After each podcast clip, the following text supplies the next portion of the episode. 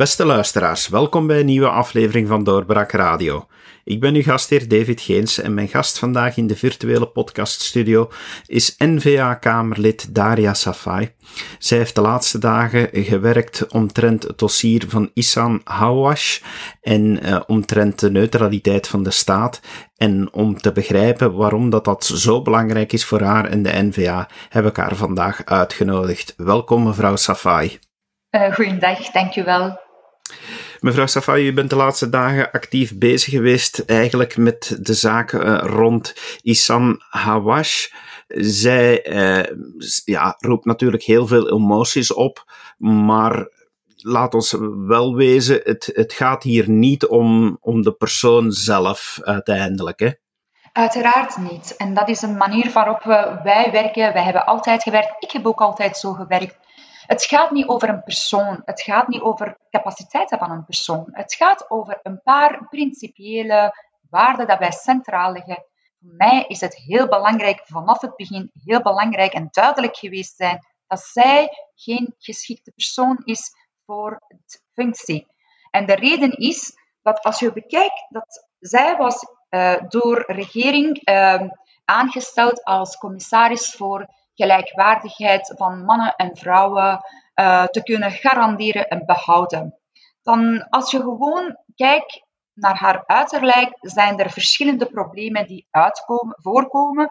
Met name, hoe kan een iemand die de filosofie achter haar kledij niet in deze gelijkwaardigheid gelooft, deze gelijkwaardigheid garanderen?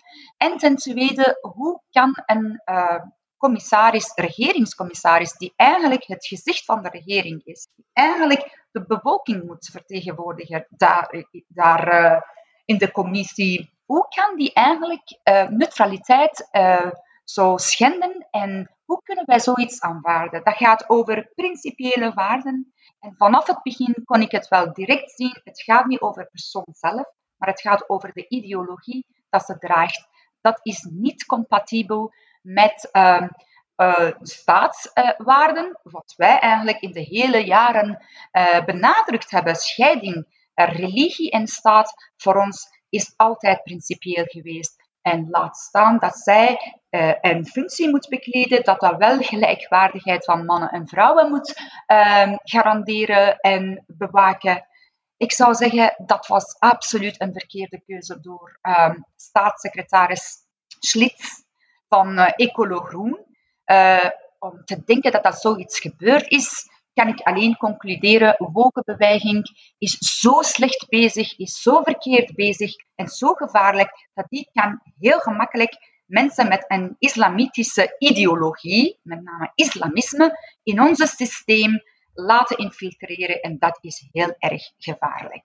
Zo'n hoofddoek, is dat nu, zoals sommige mensen zeggen, louter een kledingstuk uit een culturele keuze? Of staat dat voor u, volgens u echt voor, voor veel meer? Is dat een symbool van, van, van een ideologie?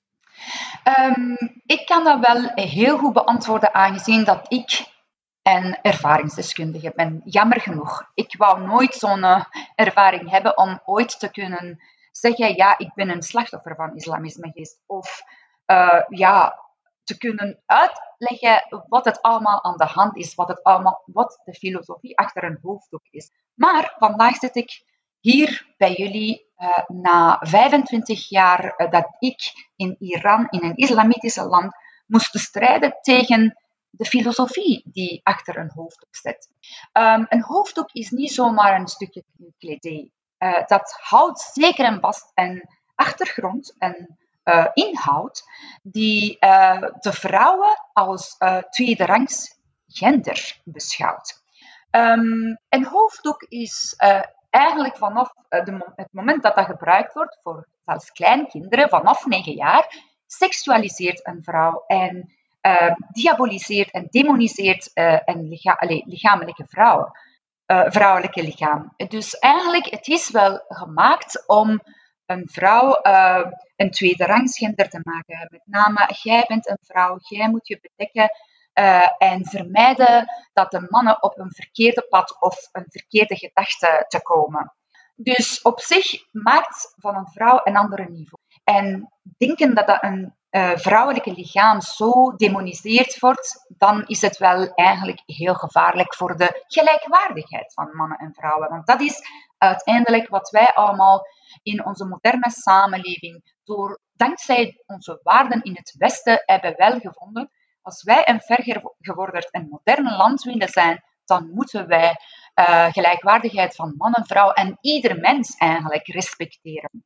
Dus op zich, uh, degene dat die denken, ja, een hoofddoek is gewoon een eh, kledé, of een accessoris, zoals uh, een zonnebril of ik weet niet, een sjal, dan heb ik gewoon heel erg bezwaar tegen. En ik moet tegen die mensen duidelijk maken, er zijn vrouwen jaren, miljoenen vrouwen in de wereld die jarenlang strijden tegen de filosofie erachter, met name islamisme en de manier waarop een vrouw um, geminimaliseerd wordt in islam. En als zij horen vandaag wat de wokenbeweging in het Westen aan het doen is, wat die extreem uh, tussen aanhalingsteken progressieve linksen in de politiek willen realiseren, alleen en alleen om stemmen te ronselen, deze vrouwen gaan naar ons kijken en zeggen: waarom zijn jullie vandaag bezig? En als ik wel spreek over deze vrouwen, ik spreek niet per se over islamitische landen, want uh, sommige mensen kunnen denken, ja mevrouw, je brengt je eigen ervaringen hier en je denkt dat dat hier ooit Iran zou worden of is al een Iran of een islamitisch land. Ik moet wel direct beantwoorden, want uh, het is niet alleen in mijn vaderland dat dat wel allemaal uh, aan de hand is. Kijk, hier bij ons in het Westen, ga even rond in onze school in Vlaanderen, om te horen hoe kinderen, jonge meisjes, gediscrimineerd worden. Ik ben al jaren in onze scholen rondgegaan uh, om met mijn verhaal van met mijn aspecten van gelijkwaardigheid mannen, vrouwen, jonge meisjes en jonge jongens bewust maken hoe belangrijk het is. Ik hoor verhalen die allee, echt uh, schrijnend zijn, verschrikkelijk zijn. Meisjes die na uh, mijn lessen gewoon mij ergens in privé zoeken, opzoeken, ofwel is het in het toilet of in de gangen, om een verhaal te vertellen over hoe de jaar nadien moeten ze uitgehuwelijkd worden aan een of andere man in het geboorteland van de ouders, Marokko, Turkije, noem maar op. En dat die er niet uh, voor gaan, maar dat er geen andere keuze is.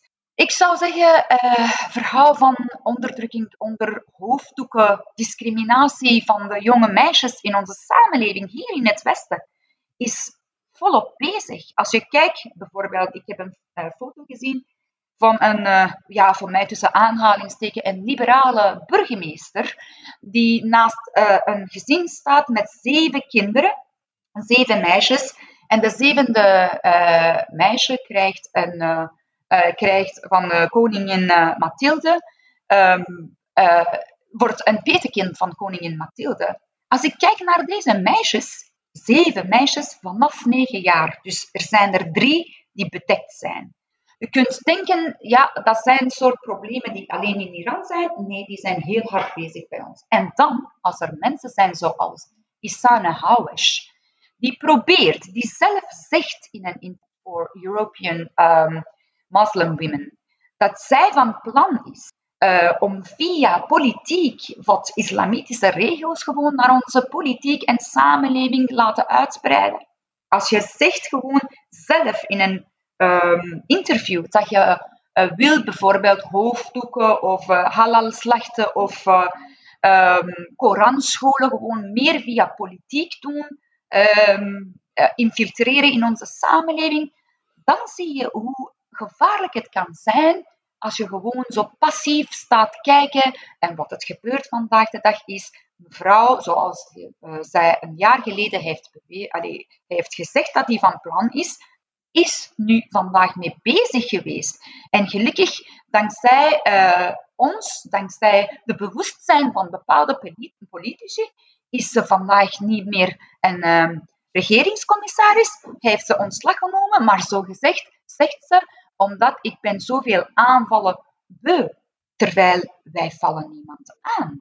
Wij beschermen onze eigen waarden. Het gaat niet over persoon zelf, het gaat over de woorden, de visie, interviews van haar, wat zij gaf in Le Soir. En zij, demografie verandert, een soort onze waarden veranderen ook.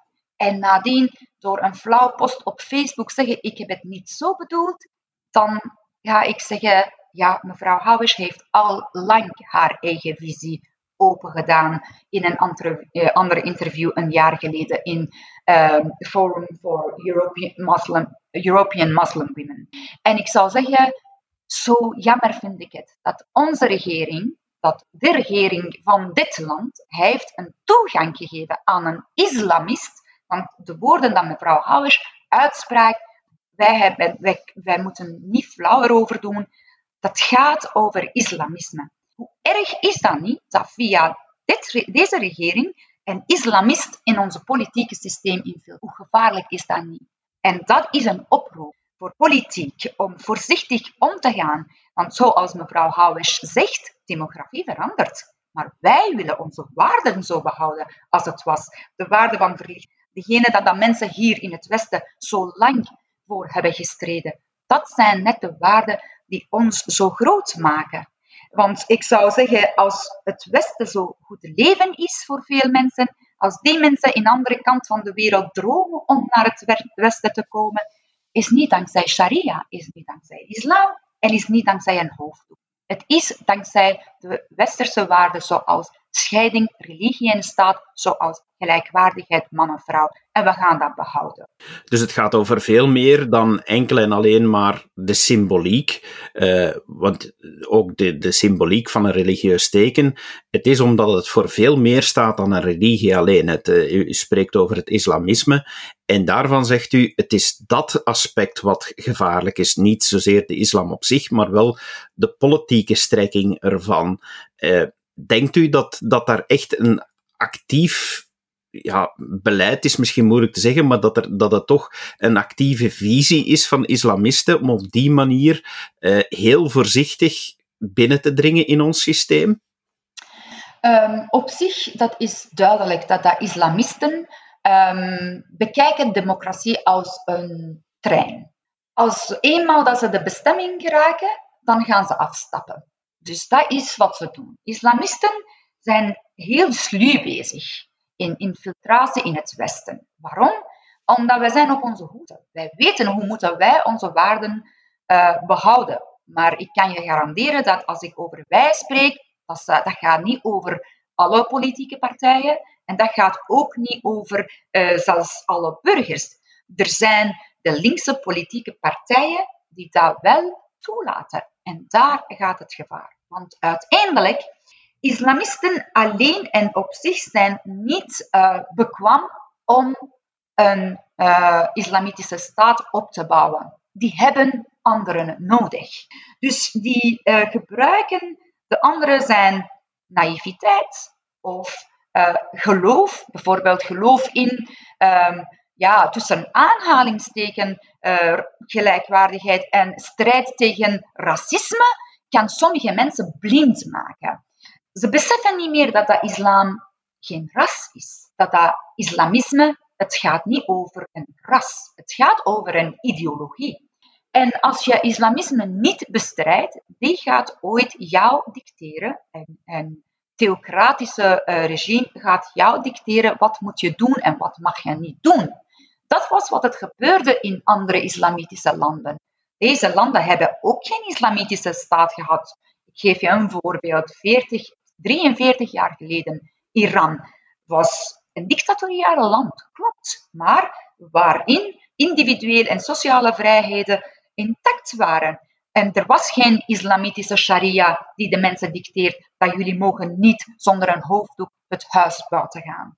Maar zelfs op dat moment, islamisten met behulp van, met hulp van linkse, extreem linkse en linkse politici iets gerealiseerd dat de eerste uh, slachtoffer van deze monster waren ze zelf. Dus islamisme en islamisten voor mij zijn zoals een virale aandoening die ik wel kan op voorhand weten wat gaan, waar, waar willen ze gaan en wat willen ze realiseren.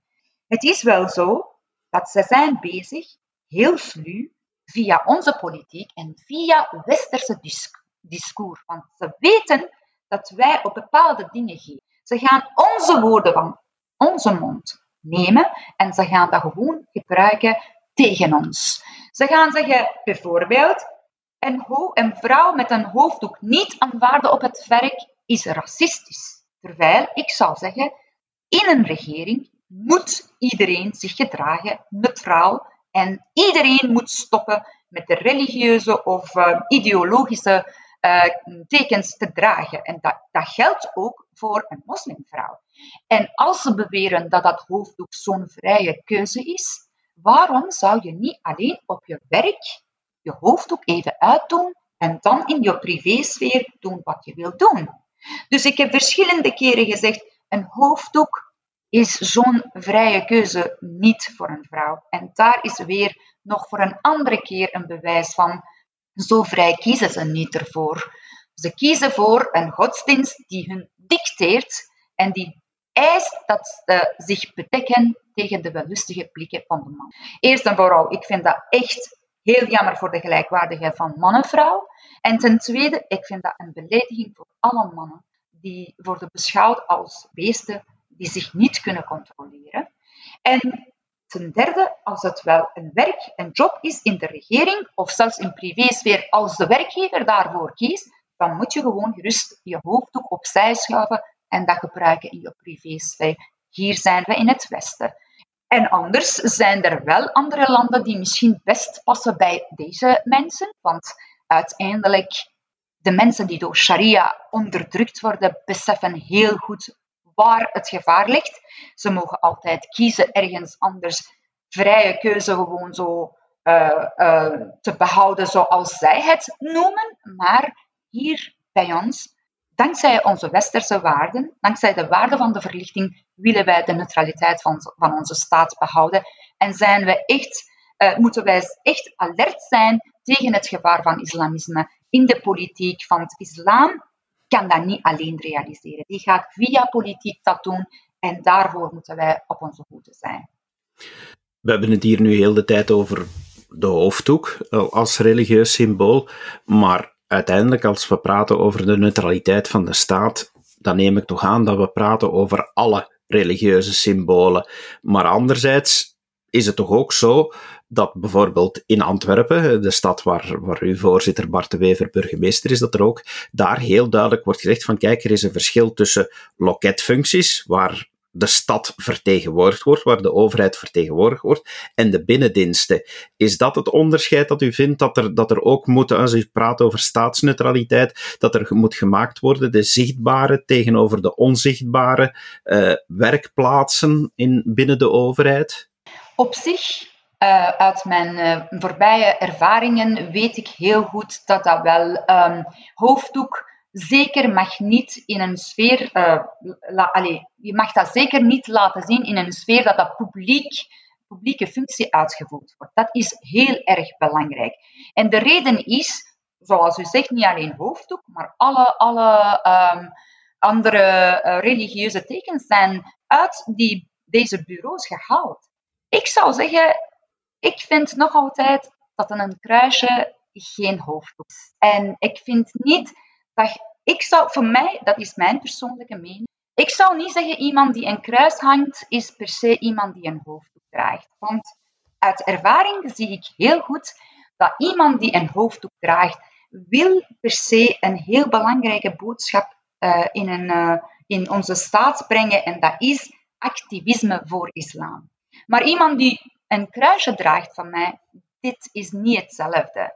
Ook al hebben wij zoveel moeite moeten doen om bijvoorbeeld culturele dingen van christendom uit uh, de samenleving halen. En dan gaan we nu moeten wel accepteren dat dat hoofddoek uh, overal aanwezig is. Dat vind ik wel gewoon heel erg. Dat zal ook nooit gebeuren.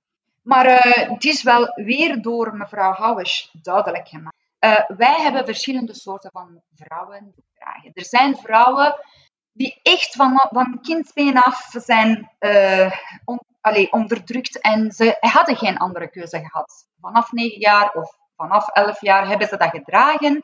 En dan, het vormt een tweede huid. Dus dat is ook heel moeilijk voor hun om het weg af te zetten.